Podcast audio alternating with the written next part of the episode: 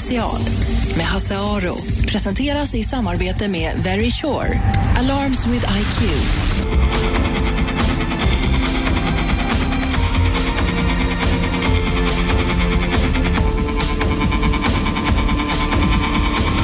Välkomna tillbaka hit till Efterlyst special. Framför mig sitter just nu den författare eller författarinna som säljer mest den här månaden, sålt mest böcker den här månaden, Karin Gerhardsen. Och Karin, du sa att en, du får inte så mycket uppmärksamhet. Det här är första gången du är på en sån här intervju. Ja, det stämmer. Nej, jag har aldrig varit intervjuad av radio eller TV eller sådär. Jag har Aldrig suttit i någon soffa. Och ganska lite uppmärksamhet i tidningar och sådär också. Mm. Jag måste säga att jag eh, hade inte riktigt full koll på vem du var. Eh, Men min sambo sa, ja men hon är en av de som skriver bra. och eh, jag har ju sett i recensionen att det finns fler som tycker det och jag har faktiskt läst, inte en hel, men jag har läst en halv bok. Tillräckligt för att uh, komma underfund med att så är fallet. Men varför har du inte, varför, har, varför vet man inte vem du är då, tror du? Jag vet inte. Jag är ju matematiker till utbildningen och det står ju i min lilla biografi där på varje bok. Och jag vet inte om folk tycker att det verkar lite tråkigt. Jag har ingen aning. Det finns ju andra som har mycket häftigare jobb. Liksom. Som, Ja. Det, Så ja. kanske det. Eller? Så kanske det ja. Nej, men det finns ju väldigt mycket deckarförfattare, eh, inte minst tjejer, som skriver nu. Det är kanske lätt att drunkna i den eh, högen, höll jag på att säga. Men ja. Nej, jag vet inte.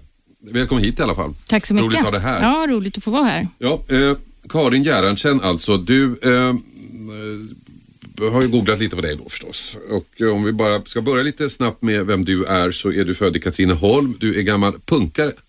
Ja, det kan man säga. Ja. Nej, Du har lirat i ett punkband. Jag har spelat i ett punkband. Det har jag gjort. Jag spelat saxofon i ett punkband Mhm. på 80-talet. Hur såg det ut då?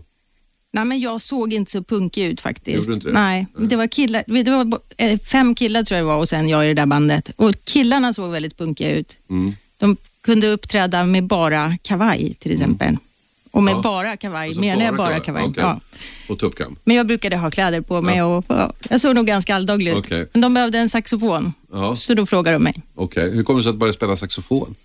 Jag spelade tvärflöjt eh, väldigt länge först. Men sen tröttnade jag på det. Jag spelade i ett band och jag tyckte den där flöjten hördes aldrig, ett storband. Ehm, så då tänkte jag att jag ska nog sluta spela, men då övertalade min flöjtlärare mig, eller orkesterledaren var det, att jag skulle börja spela saxofon istället. Så då gjorde jag det och det gick väldigt lätt. Det tog bara några dagar för det var likartat. Saxofon är lite sexigt.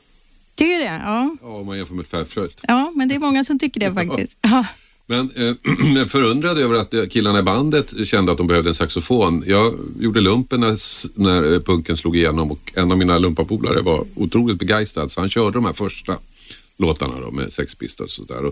Alltså jag tyckte att det spelade ingen roll om de hade saxofon eller inte. Det hördes, det hördes ju i alla fall inte. Men dina kunde lite musik. Nej, nej.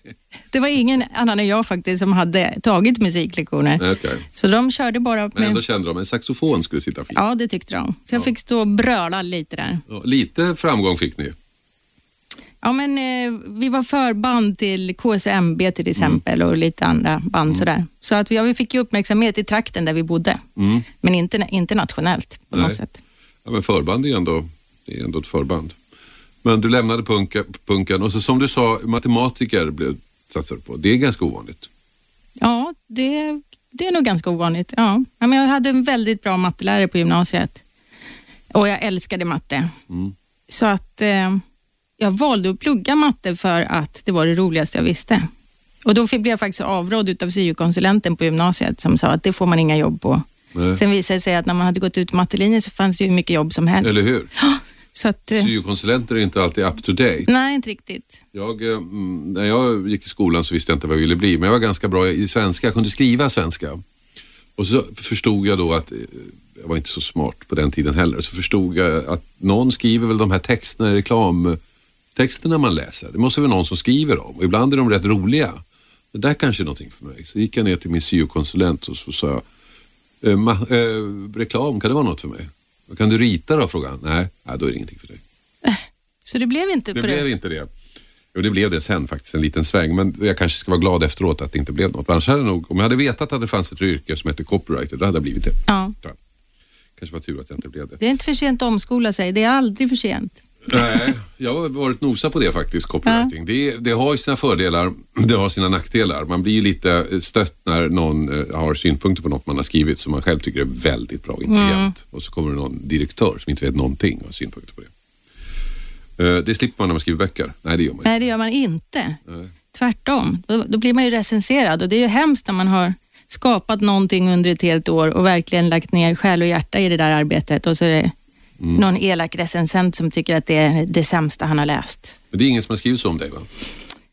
Eh, jo, Att det är det sämsta han har läst? ja. Det är tufft. det är tufft att höra. Det sämsta han läst. GV sa ju att eh, många av de populära kvinnliga deckarförfattarna skriver som Nicke Lilltroll talar. ja. Det tycker jag också är ganska, det är ganska grov sågning. Mm. Du har träffat GV, läste på din blogg. Vi återkommer till det. Men du, matte då. eh, Och, och, innebär det då att man jobbar med data? Blir det, liksom, går, blir det så? Jag började faktiskt, eh, jag, mitt första år så jobbade jag som matematiker. Mm. Då satt jag och räknade. Men vad räknar man då? Jag räknade eh, ballistik, kulbanor, projektilbanor Okej. för luftvärns... Är det, Okej. ja. Mm. Är det komplicerat? ja, mycket.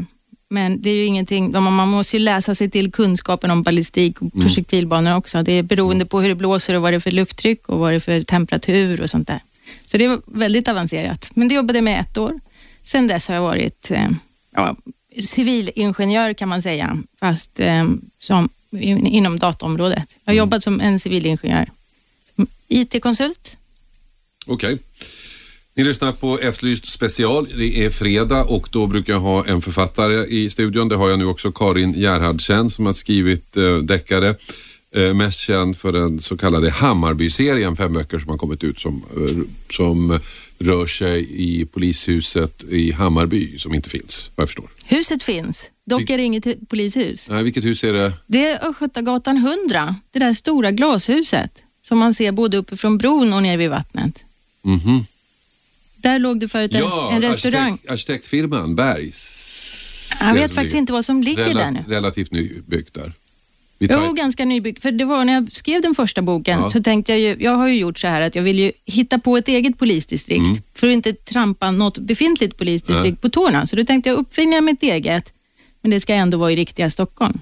Mm. Så då blev det Södermalm och de södra förorterna och så döpte jag det till Hammarby och Mm. polishuset ligger i Hammarbyhamnen. Men i övrigt så håller du ganska strikt till geografisk sanning så att säga. Att Ja. eh, Mord inträffar på gator som finns och man rör sig i områden som existerar och som du har varit och kollat och sådär. Mord inträffar aldrig på ett, eh, en befintlig adress. Det kommer aldrig att hända hemma hos dig. Liksom. Nej, Utan det kan vara på en gata. utanför mig. Jag brukar kolla på um, såna här kartor på, um, på internet, gula Mm. sidorna eller hitta eller någonting. Och så hittar jag en gata där jag vill att det ska vara. Så kollar jag upp ett nummer som inte finns, Mm. så tar jag det. Där sker det. Ja. Eh, hur kommer det sig att du gick från matematik till deckarförfattande? Ehm, ja, men det började egentligen för innan jag började skriva deckare, så jag har, har jag skrivit en annan bok också. Så eh, vill du veta hur det gick till att jag började skriva överhuvudtaget ja. eller hur? Ja, först det och sen hur man gör. Mm. Ja, men jag satt med en kompis på en pub i London och så pratade vi om vad vi var bra på egentligen. Du vet, egentligen, om livet hade blivit på ett annat sätt. Och då sa jag att egentligen så är jag bra på att skriva. Eh, jag ska skriva en bok. Jag vet att jag kan skriva en bok, sa jag. Och sen hörde jag mig själv och tyckte, jag blev så trött på det där, för jag hade hört mig själv säga hundratals gånger att jag skulle skriva en bok, utan att någonsin göra det. Så då gick jag hem och skrev den här boken och det var den första och det var inte en deckare. Hur gjorde du då? Ehm, jag hittade på vad den skulle handla om och sen så skrev jag tio sidor varje lördag och tio sidor varje söndag. Okej. Det, Tills- där, det där hör jag från många som faktiskt får ur sig böcker, att det handlar om att liksom strukturera, antingen skriva eh, en timme varje kväll eller en timme varje morgon eller Mm. åtta timmar om dagen. Sådär. Oavsett hur man känner sig. Ja, alla gör olika. Men så gjorde jag den gången i alla fall. För då jobbade jag heltid och så var jag tvungen att pressa in det på helgerna. Men vad handlade den om? Det var en filosofisk idéroman faktiskt, inspirerad av en gisslansituation i Libanon i fyra år med några engelsmän som satt där. En verklig... En verklig händelse. Okej. Ja, och jag bodde i London när han, Terry Waite hette han, Han var ihåg. en eh, präst från den ekumeniska kyrkan som hade upp, eh, liksom, fått de andra gisslan att må bra under de här fyra åren. Utan, dem så hade de inte överle- utan honom hade de inte överlevt, sa de. Och det var så gripande intervjuer med honom och alla vittnesmål om vilken fantastisk människa han var. Så då började jag filosofera om hur man själv skulle reagera om man satt i ett i ett litet källarrum utan fönster med en naken glödlampa i taket. Och man, hur man skulle fördriva tiden och vad man skulle, man skulle repa mod att leva vidare. Mm. Så boken handlar om, Det låter som en svår bok att skriva. Så, alltså, när du har en deckare så är det ändå en intrig att att klamra dig fast vid, så att säga. Eller Ja. har jag fel? nej men eh, eh, det är ju en intrig även i en bok som inte är en deckare.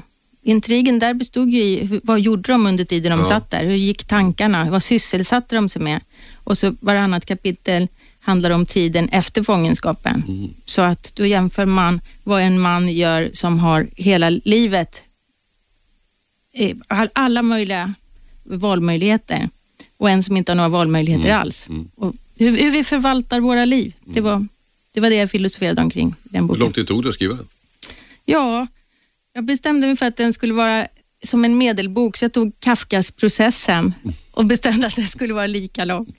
Räknade orden på varje Ja, rad och varje, raderna på varje sida och sidor sådär. Så blev den, så den är exakt lika lång som processen och det tog då eh, 12 helger. Mm. 12 helger bara? Ja, för den blev på 240 sidor. Åh, herregud. Det låter som en mat- matematisk metod att skriva böcker. Ja. Men den blev inte någon hit i, i boklådorna. Nej, den fick väldigt bra recensioner faktiskt, Mm. men eh, den, det blev ingen kioskvältare. Det var ingen som skrev att det var det sämsta de hade läst. Nej, det var det inte. Det kom Nej. sen när du hade utvecklat ditt Ja, författarskap. ja, precis. Så kom det. Men sen valde du att, att eh, köra deckare. Varför just deckare? Nej, men eh, sen gick det ju massa år. Mm. Jag gifte mig och fick barn och sådär och jobbade på som vanligt. Sen var det faktiskt min man som övertalade mig om att jag skulle ta upp det här med skrivandet igen. Och eh, han tyckte väl att det var synd att, om, att jag bara lät det passera sådär. Och jag tänkte också att det är väl klart jag måste ge det en chans till. Jag vill ju inte ligga på dödsbädden och ångra att jag inte ens försökte. Så då tänkte jag jättenoga igenom vad det var jag ville skriva och jag ville uppnå med det. Och då vill jag naturligtvis först och främst bli utgiven för att bli läst. Det är det, det, det, är det största tycker jag, att bli läst. Ja, men det är väl det är därför man skriver. Ja, men det kanske finns sådana som Många skriver som- för pengar eller något sånt där. Ja. Det vet inte jag. Men jag skriver för att man tycker det är så kul Ja, men de att folk läser vad man skriver. de skriver bara för att få uttrycka sig. Ja. Mm. Ja. Men det tror jag inte på. Utan jag tror att alla vill bli lästa och så en del vill bli lästa väldigt mycket för att tjäna pengar. Ja. Eh, lyssna på Efterlyst specialfredag. Jag pratar med Karin Gerhardsen, författarinna som har skrivit eh, Hammarby-serien, fem böcker om polisarbete i den fiktiva polisdistriktet Hammarby i ett övrigt äkta Stockholm. Vi ska fortsätta prata med Karin efter pausen. Radio 1. Efterlyst special med Hasse Aro. Presenteras i samarbete med Very Sure. Alarms with IQ.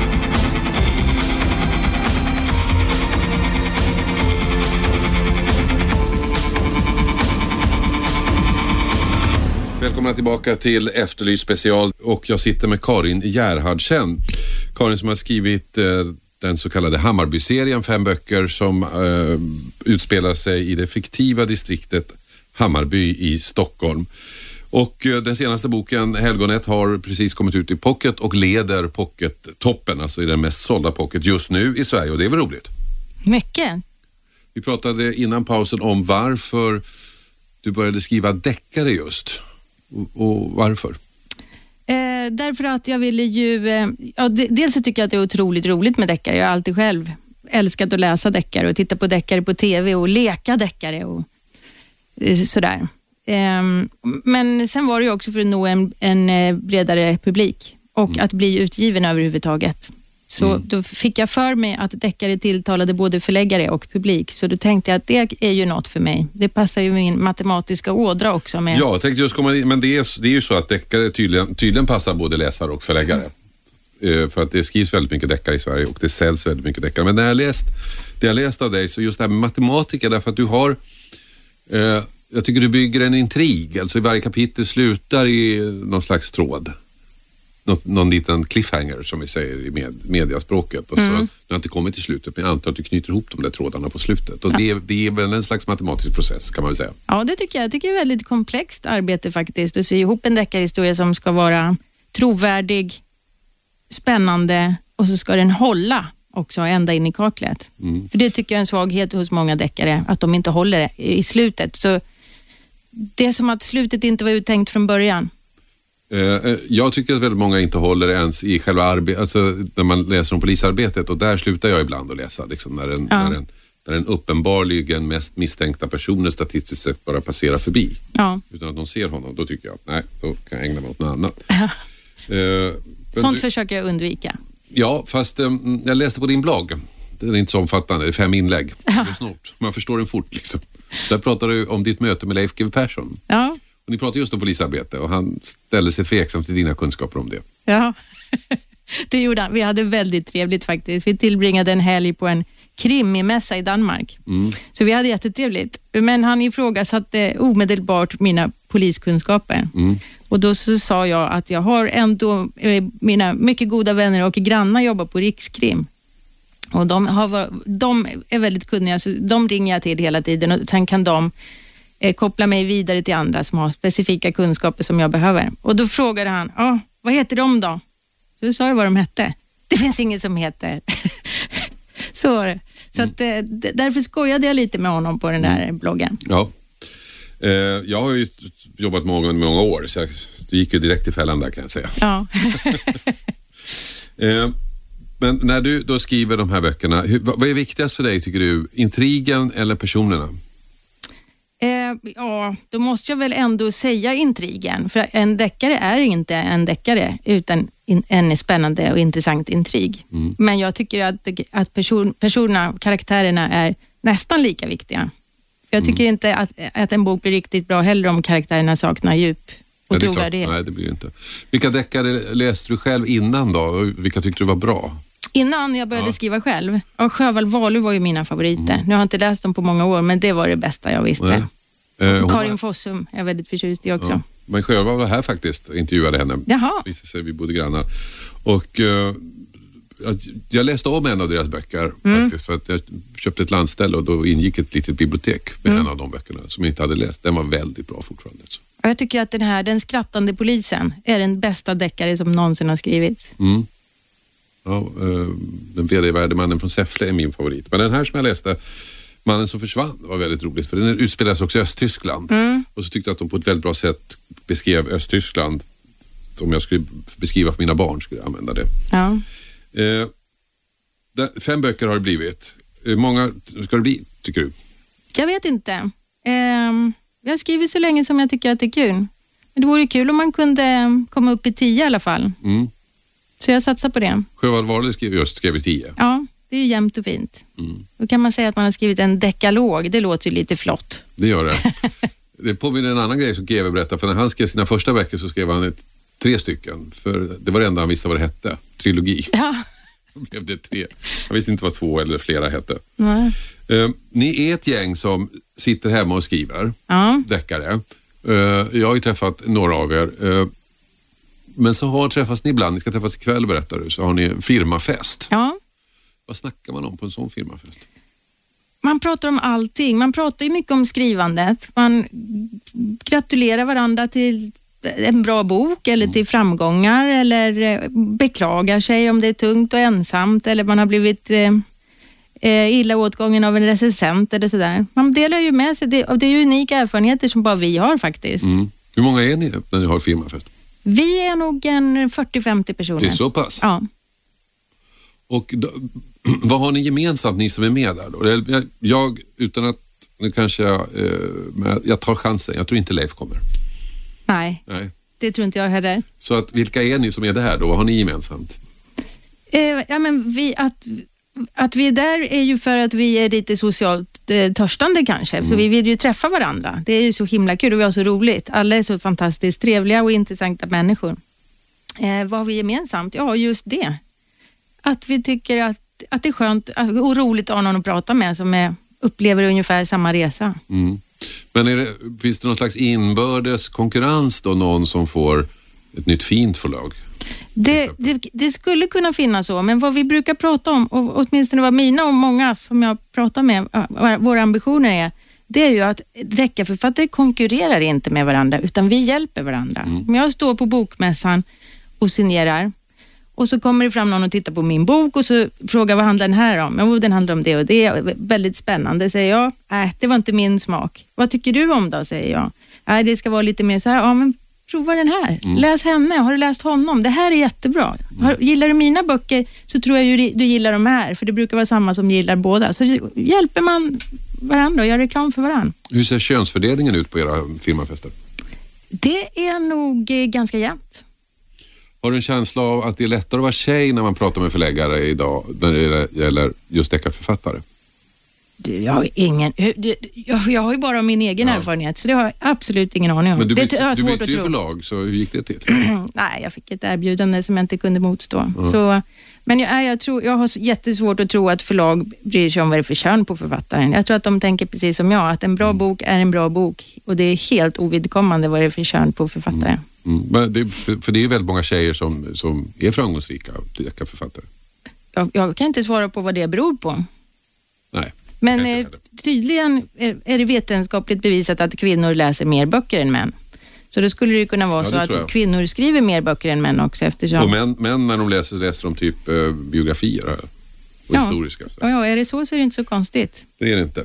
Ja, men då får jag önska er en trevlig kväll. Ehm, eh, vi har alltså hört Karin Gerhardsen som är författarinna, har skrivit eh, Hammarby-serien fem böcker hittills i en deckarserie som utspelar sig i Stockholm i det fiktiva distriktet Hammarby men där allt annat övrigt, för, eh, övrigt finns och man löser eh, brott och mord under ledning av kriminalkommissarie Conny Sjöberg. Radio 1. Efterlyst special med Hasse Aro. Presenteras i samarbete med Very Sure. Alarms with IQ.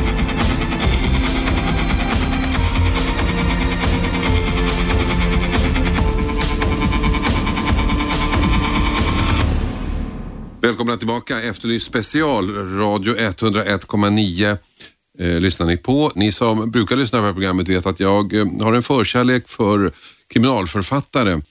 Eh, och särskilt sådana som inte lever på sitt författande men ändå drivs av någonting annat som jag inte riktigt vet vad det är och försöker ta reda på. Turen har kommit till Jonas Moström, en läkare i Stockholm som har skrivit sju böcker. Välkommen. Tackar, tackar. Sju böcker, det är ganska mycket. Ja, jag har börjat få upp farten nu här. Hur lång tid tar det för att skriva en bok? Eh, nu I början så tog det två år mellan varje bok, eh, men då jobbade jag ju eh, 75 procent som husläkare. Så nu har jag trappat ner och jobbar halvtid som läkare och halvtid eh, som författare. Så nu eh, ger jag ut en bok per år. Din senaste bok, eh, berätta om den. Den är, heter Stryparen och eh, kommer då imorgon. Och, eh, det är en eh, klaustrofobisk thriller som utspelar sig som de andra då i Sundsvall och till stor del på sjukhuset där. Jag har en läkare och en polis som huvudrollspersoner. Och I den här boken så drabbar den värsta snöstormen i mannaminne Sundsvall och sjukhuset blir för tre dagar helt isolerat från omvärlden. Det är lite så här, det låsta lummets eh, Ja, precis. här, Det är en variant på det här ingen kommer in, ingen kommer ut och så händer det grejer här inne. Och så börjar någon strypa både eh, patienter och personal där inne. Och då är ju förstås läkaren nattjour och polisen även på sjukhuset när det här händer. Så att det blir en dramatisk jakt. Det blir som en slags eh, minipolisundersökning mitt i allt det här. Ja, precis. Och det är svårt då när, när brottslingen är väldigt nära, men det är svårt att göra vanliga förhör och, och göra det vanliga polisarbetet, utan de är tvungna att förhålla sig till, till sjukhuset. Var fick du den idén ifrån? Eh, Det börjar egentligen med just den här ingången med att skriva om det här slutna rummet, det här klaustrofobiska, eh, instängda. Sen är slutet också, jag skriver ofta om etiska problem, de med koppling till sjukvården. Och slutet, jag kan inte nämna det ens, för det, men jag är väldigt nöjd med det och det har koppling till, till en sjukdom då som eh, tar sig vissa uttryck. Ja, slutet är, är överraskande på flera sätt kan man säga. Utan att avslöja varför. Ja, precis. Jag gillar ju det. Jag gillar en historia som, eh, som kan sluta annorlunda än vad Mm. man har tänkt sig. Ja, det är ju målet med alla. Jag tycker en bra deckare ska ha en, en, en oväntad twist. Man ska känna hur golvet försvinner under fötterna en stund. Det här med eh, läkarmiljön, det är ju ingen slump som sagt. Du är själv läkare. Mm. Varför valde du det? Ja, det, är ju en, det finns ju väldigt många likheter mellan polisjobb och läkarjobb.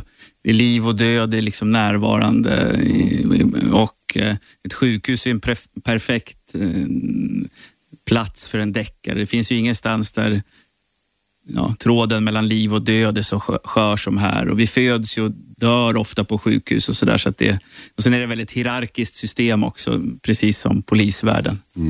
Och så är det väl också, jag menar sjuk, du säger att det, det finns eh, vissa likheter och en likhet är kanske när någon har en komplicerad sjukdom och man måste utreda vad, vad, är det för sjukdom den här personen Ja, precis. Det finns ju såna här fallet med den förstorade mjälten och då, det är ju, som doktor är det också ett detektivarbete att, att ta reda på vad som ligger bakom då. Och då kan man ju, ja, då frågar man ut patienten, man kan ta röntgen och blodprover och, eh, och sanningen är ju ofta den man kanske först inte tror. Eh, och när det gäller deckare så är det eh, ofta, som sagt, poängen att det kommer en knorr på slutet. Mm. Det behöver inte alltid vara. Nej, det behöver inte det, men, men jag gillar sådana deckare. Hur, mycket, hur, hur viktigt tycker du att det är realistiskt? Eh, Jag skriver nog väldigt realistiska sjukhusskildringarna och sådär. Det är ju, jag tar ju mycket från det jag upplevt själv och så. så att eh, det, jag gillar när det är vardagsrealism och man liksom även kan förstå brottslingarna och ha- handlingarna. Så man kommer till dig eh, som, eh, i, som patient så kanske man hamnar i en av dina böcker som, som Ja. mördare till och med. Eh, det har väl inte hänt. Det, man, man kan använda drag och, och karaktärer hos vissa personer man möter, men ofta blir det ett helt annat sammanhang. Än, ofta är det historien som styr vilken typ av person och så där man stoppar in. Din, din läkare bor i Östersund, din huvudperson. Sundsvall. Sundsvall, Sundsvall. Förlåt, förlåt. För oss här i Stockholm är det same same. Ja, eller inte där uppe. Men det är ingen slump eh, att du förlägger berättelsen till Norrland i alla fall. Nej, jag, ja, dels har jag gjort, eh, jobbat två år på sjukhuset i Sundsvall. Sen kom jag ursprungligen från Bräcke i Jämtland. Så att det är ett trevligt sätt att besöka Norrland på och skriva om den här. Varför, varför förlade du inte det eh, till Stockholm? Dels finns det ju väldigt många mm, deckare som utspelar sig i Stockholm och, och sen är det, när jag skrev min första bok så hade jag precis blivit pappaledig och då, eh, Eh, då valde jag Sundsvall. Dels hade det första statliga kasinot öppnat där där den första boken utspelar sig rätt mycket på kasinot. Eh, sen är det bra att ha avstånd till det man skriver om. Man, man skriver bättre när man inte har miljön alldeles för nära inpå. Det är också en liten trend kan man säga bland de senaste årens deckare i Sverige att man, man förlägger dem på landsorten. Det är, Ja. eh, det är Ystad, det är Gotland, det är mm. Fjällbacka och, och sådana saker. Så Ja, det är väldigt tacksamt också med den här förhållandevis lilla stan där man ändå kan gå eh, på Ikea på lördag och träffa på folk man känner. Och det, är- mm, allt finns ju där, men i en väldigt liten koncentrerad format som gör att det är mm, tacksamt. det, är inte, det är inte, eh, kan inte vara begränsande ibland. Nej, jag tycker inte... Det är bara fantasin som är begränsande. Man kan, eh, det har jag inte upplevt än. Och jag får som sagt otroligt mycket inspiration från sjukvården är så- dramatisk och full av händelser hela tiden. Så att det är ett väldigt tacksamt område att, skriva om. Innan du började skriva deckare, vad läste du då? Jag har läst väldigt mycket, mm, eller väldigt mycket har jag inte läst, men, men eh, svenska klassiker, Vilhelm Moberg, Strindberg, Hjalmar Söderberg. Sen då förstås väldigt mycket deckare. Eh, Håkan Nesser, Åke Edvardsson, Henning Mankell läste jag väl väldigt mycket innan då jag började skriva. Ni lyssnar på Efterlyst special. Min fredagsgäst Jonas Moström, läkare och deckarförfattare. Berätta mm, hur du började skriva. Jag har alltid haft en, en kreativ ådra, så jag har försökt uttrycka mig på olika sätt. Jag har spelat lokalrevy, eh, skrivit, försökt skriva pop och rocklåtar och sådär. Eh, men jag har alltid haft en dröm om att skriva en bok. Eh, ända sedan jag hade en väldigt inspirerande lärare på gymnasiet, då vi fick skriva början på en bok. Eh, sen tog ju läkartiden, utbildningen all kraft, så då hann jag inte det. Sen blev jag då pappaledig och då tänkte jag att ja, nu har jag i alla fall eh, ett år här med, med eh, situationstecken fri tid.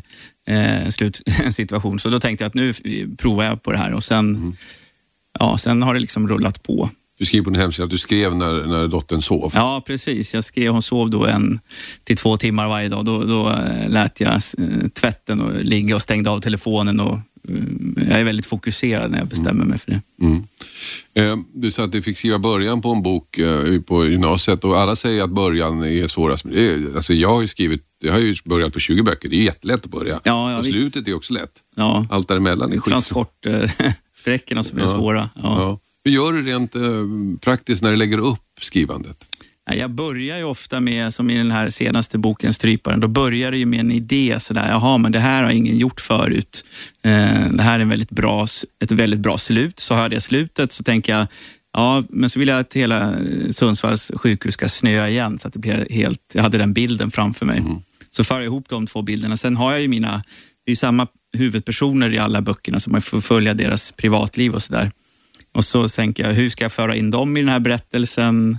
Eh, och så lägger man på, det är lite som ett pussel eller man ja, eh, samlar bilder. Och, Men sker allt det här i ditt huvud eller skriver du nej, jag skriver mycket, jag kör mycket mindmapping.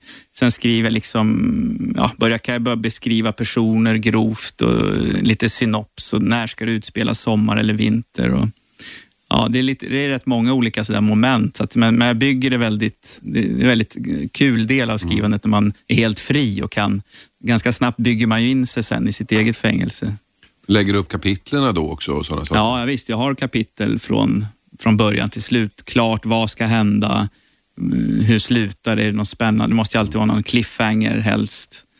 Eh, Och så får man varva dem där. Det är ofta flera olika, tre eller fyra historier som man väver ihop. Då, så det gäller att skissa ihop det där. Så att allt är ganska klart när jag börjar så att säga, skriva brödtexten. Och det, det är en förutsättning, för jag, i och med att jag jobbar också eh, ute i verkligheten så, så glömmer jag väldigt snabbt eh, vad jag är och vad jag har skrivit. Eh, så att då, då är det bra. Då behöver jag liksom snabbt kunna sätta mig in i det igen. Tröttnar du aldrig på, på dina, din idé när du håller på? Eh, och ibland gör man ju det. Ofta i slutet av böckerna kan man, för då vet man eh, hur det ska gå och allt är klart och så där. Då är det inte så mycket eh, utrymme för fantasin. Då kan man tröttna, men då börjar man ofta fundera på nästa bok. Någon, alltså, Idén till nästa bok kommer ofta i, i slutarbetet av, av, av den förra, så att säga. Men händer att du liksom i, i arbetet, i slutarbetet tvivlar på idén att ja, men det här kanske inte var så bra? Ja, Det kan jag tänka mig att det är om man håller Ja, på mycket med det. absolut. så tvivla absolut. Jo, det händer. Alltså, själva grundidén eh, som den här, mm, varför den, ja, eh, den här mördaren nu är mördare i, i min senaste bok, den tycker jag, den, ofta är den första idén bra, men sen kan liksom resten runt omkring, det kan man tvivla på. Man kan tycka att man har, en deckare är väldigt eh, rambunden, eh, så att man kan tycka att det här har jag skrivit förut och sådär. Så det, men det blir samtidigt en utmaning då, för då tvingas man ju att spetsa till det. Liksom. Mm. När det gäller, vad, vad är viktigast när, det, när du skriver din bok? Är det intrigen eller är det eh, hur dina karaktärer utvecklar sig från förra boken och hur deras liv ser ut? Eh, många läsare tycker att det är mer spännande att följa huvudrollspersonernas kärleksliv och personliga utveckling. Ehm, och det, men för mig kommer nog intrigen först. Jag vill eh, helst ge läsaren ett etiskt dilemma att liksom fundera på efter boken är klar. Exempelvis, eh, är det rätt med aktiv dödshjälp eller inte? Så att för mig är nog intrigen viktigast. Sen kommer liksom huvudrollspersonerna, eh, det kommer liksom på köpet. Sådär. Mm. mm. Jag hört det var någon författarkollega till mig, alltså inte författarkollega, men en kollega som också skrev. Hon skrev att efter ett tag så skriver de där böckerna sig själv när man väl kommer in i dem. Är det något du upplevt? Ja, absolut. Och det är en väldigt härlig... Det är ganska sällan. Ofta är det ganska hårt jobb, liksom. men, men eh, ibland så rinner det mm, till och då, då det gäller att, att se till att hålla de här vaktmästarna borta som försöker stoppa och ifrågasätta texten som man hela tiden har med sig. Utan då får man tänka att nu får det flöda fritt här och sen i nästa fas, när man har skrivit ett utkast, då kan man gå tillbaka och eh, kill your darling, så att säga. Precis, så inga tillbakablickar medan man har... Nej, flödet. flödet. Och ofta blir det, när man känner sig för inspirerad, då blir det för utbroderande och för, eh, liksom, för mycket sen. Det är ju lättare att kapa en text än att... absolut, absolut. liksom det är nästan det. omöjligt att fylla på sådär Ja. med något spirituellt. Mm. Det säger alltså Jonas Moström, författare och läkare som är min gäst här på eh, Efterlyst special idag, fredag. Eh, ni som brukar lyssna på det här programmet vet att fredag, fredagarna ägnar jag gärna åt människor som skriver deckare i någon slags förhoppning om att jag ska, så småningom ska bli inspirerad att själv få ur med min deckare någon gång, förmodligen när genren redan är död. Eh, vi ska fortsätta prata med Jonas efter pausen lite grann om hur det gick till när han eh, förlade sin första bok. För en sak är ju att skriva den, den andra eh, är ju att övertyga någon annan om att det man skrivit faktiskt är värt att förlägga. Så stanna kvar. Radio 1. Efterlyst special med Hasse Aro. Presenteras i samarbete med Very Sure. Alarms with IQ.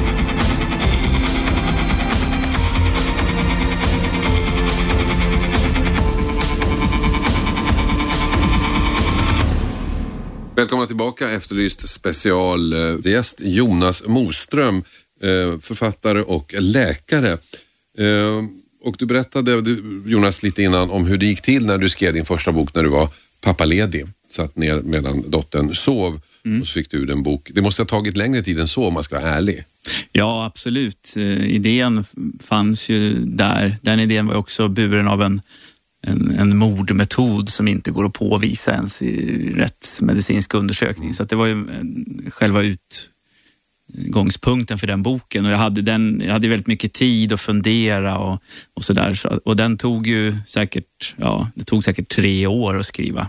Det är svårt att räkna på tid sådär. Om man, det är ofta ett utdraget förlopp. Eh, men det tog tid. Sen var det ju också knaggligt att lära sig alltså skriva. Eh, Jag hade ju ingen erfarenhet av att skriva romaner tidigare så det var ju mycket Men bollade du idén med någon då eller gjorde du allting själv? Nej, jag, ehm, jag läste väldigt mycket. ehm, Framförallt Mankell studerade jag och, så där och liksom noterade hur han gjorde och vad som var bra. Nu tycker jag det är spännande, kunde jag känna. Ja, men hur gör han det? Och sen läste jag massa andra författare och sådär. Så att det, eh, jag hade faktiskt anmält mig till en skrivarkurs eh, när mitt manus inte hade blivit antaget eh, vid första vändan. Men sen blev det antaget och då tänkte jag att eh, då avbokade jag Ja, kursen och köpte en bok i hur man skriver böcker Ja. istället. Men du, du skrev boken och sen så, och det, alltså, det är svårt nog men att få den förlagd är ju inte alldeles självklart. Nej, eh, jag skickade ju in den då eh, till, ja, det var väl sju eller åtta förlag. Eh, och några svarade inte alls och eh, några svarade med standardbrev.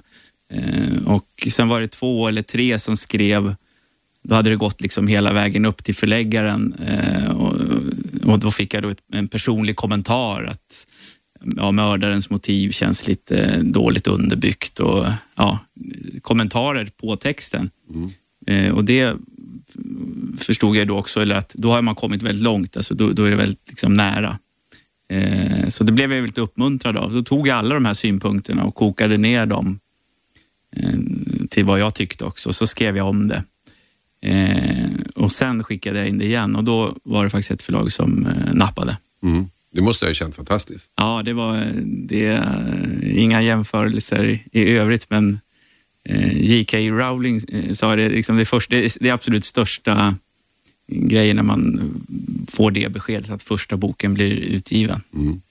Sen kan man ha vilka framgångar som helst, eh, men inget slår det. Och det blir ju också någon slags kvitto på att, eh, att, eh, att det man gjort är bra.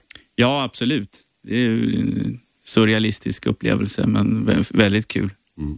Och därifrån så har du då skrivit eh, sammanlagt sju böcker och du sa att du nu hade gått ner till halvtid som läkare. Så att du försörjer dig på det här på halvtid. Ja, Hur ser, då din, hur ser din arbetstid ut? Eller arbetsdag? Eh, jag, eh, jag jobbar ju i stort sett eh, varannan dag. Då sitter jag hemma och skriver. Eh, och Sen jobbar jag på vårdcentralen varannan dag. Eh, och det här passar mig väldigt bra för jag är ganska rastlös. Så jag är svårt, en gång var jag ledig i tre veckor för att skriva men det blev inte mycket gjort på dagarna. Eh, utan det här är, ja, jag går ut och, och eh, får vara i verkligheten och får ju otroligt mycket intryck som träffar mycket människor på dagarna. Sen kan jag liksom dra mig tillbaks och ventilera och reflektera över det här.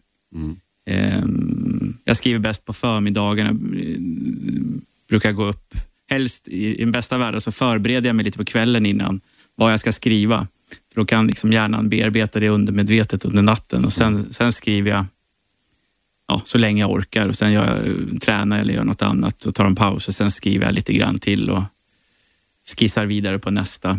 Vad ger det, det det här skrivandet? Det ger det inte fullständigt ekonomiskt oberoende uppenbarligen? Nej, nej, absolut inte. Eh, jag skulle inte vilja skriva på heltid heller. Mm, av eh, anledning att eh, det skulle bli det är för ensamt arbete. Liksom. Eh, men det, det ger ju tid till reflektion, man kan fundera över saker man upplever. Och sen är ju ja, författarvärlden är en helt annan värld än, än, Mm. än läkarvärlden. Bara att sitta här är liksom väldigt spännande för mig. Ja, det hade du kanske inte gjort om du bara var läkare. Nej. Om du inte hade gjort bort det på, väldigt- Förhoppningsvis inte. på något allvarligt sätt. Du, eh, men ni är ju ett gäng och jag har ju träffat rätt många nu som skriver böcker och tjänar en del pengar på det men ändå inte så att man eh, kan helt leva på det. Och Var Julander var här Mm. för en tid sedan. Han är en av dem och han har någon slags hemlig deckarklubb. Är du med där? Eh, ja. Och ja, alltså klubb, det är väl, vi brukar ha, eller det är såna personalfester ibland. Eh, det är väl den delen av klubben jag känner till i alla mm, fall. jag tror att det inte är så mycket mer än Nej, så. nej. Utan, eh, han berättar att det är ganska ensamt att skriva och eh, Ja. väldigt tråkiga personalfester om man är själv. Ja. Men när du träffar andra, kan du se att ni liksom har, det finns någonting gemensamt hos er alla som gör att ni faktiskt gör det? För det här kan ju också bitvis vara rätt tröstlöst. Ja, det var en bra fråga. Ehm, ja, någon slags vilja att ehm, utforska världen. Eh, ehm, betraktare, eh, kan man väl säga. Det är, många är väldigt trevliga och sociala, förvånan, förvånansvärt trevliga och sociala med tanke på att det är ett väldigt ensamt Ja. yrke. Eh, men inte mer än så. Vad, vad, vad drömmer du om när det gäller skrivandet? Ja, det är klart man drömmer om att... ehm, eh, det är många som har sagt att det här borde bli tv-serie, film. Det vore ju fantastiskt kul om man filmade Sundsvall och kombinerade då den här sjukhusmiljön. Det finns ju otroligt mycket tv-serier i sjukhusmiljö eh, och sen finns det ju mycket deckare, men det finns liksom ingen som kombinerar det Det här det faktiskt inte. så tydligt. Så att det, det är väl den, nästa stora dröm. Mm. Att SVT ringer och ska köpa det ja. här. Eh, eh, nu, nu jobbar du varannan dag, men innan du kom dit så att säga, fanns skrivandet med dig då när du var på ditt läkarjobb eller kunde du liksom hålla isär de här? Ja, jag är väldigt bra på att hålla isär. Eh, jag kan liksom inte sitta och fundera på eh, intrigerna och sådär när jag jobbar som läkare. Då är man så inne i, det är så påtagligt jobb man träffar patienter och tar liksom beslut. Och, så att eh, jag är väldigt bra på att koppla av och på. Jag kan liksom koppla på skrivarknappen och då sätter jag mig vid skrivbordet. Ja, jag suggererar ner, jag sätter på lite klassisk musik, eh, har min kopp kaffe, datorn och så liksom sjunker jag in i den där fiktionen. Mm. Det säger alltså Jonas Moström som är min fredagsgäst, eh, läkare, men här för att han är författare, skrivit ut, gett ut sju böcker. Den senaste kommer ut eh, nu i dagarna och den heter Stryparen. Stryparen. Intrigen är ganska spännande kan jag berätta. Det handlar om eh, Sundsvalls sjukhus som blir isolerat av en snöstorm och under den här isoleringen händer det mystiska saker på sjukhuset. Efterlyst special eh, börjar närma sig sitt slut. Tack för att ni lyssnade. 101,9 Radio 1. Sveriges nya pratradio.